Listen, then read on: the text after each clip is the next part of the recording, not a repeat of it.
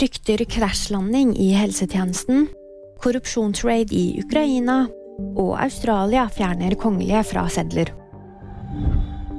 Det er mangel på leger, sykepleiere og et behov for mer funksjonelle sykehusbygg.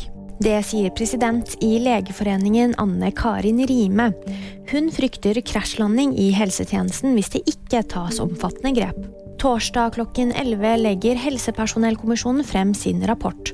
Ifølge opplysninger til VG mener de at svaret på problemet ikke er mange flere ansatte, men at helse- og omsorgstjenesten må bruke personell mer effektivt.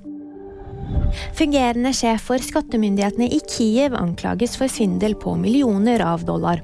Det ble nemlig funnet dyre smykker, designerklær, klokker og seddelbunker tilsvarende 1,7 millioner norske kroner i et av hennes fire hjem.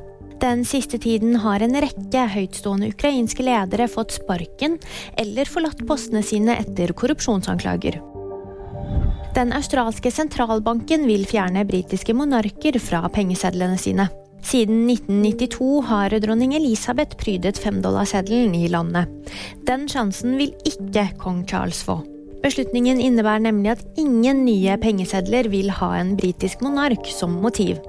I stedet ønsker sentralbanken et motiv som hedrer landets urfolkskultur. Det var VG nyheter. De fikk du av meg, Jamanpreet Gahr.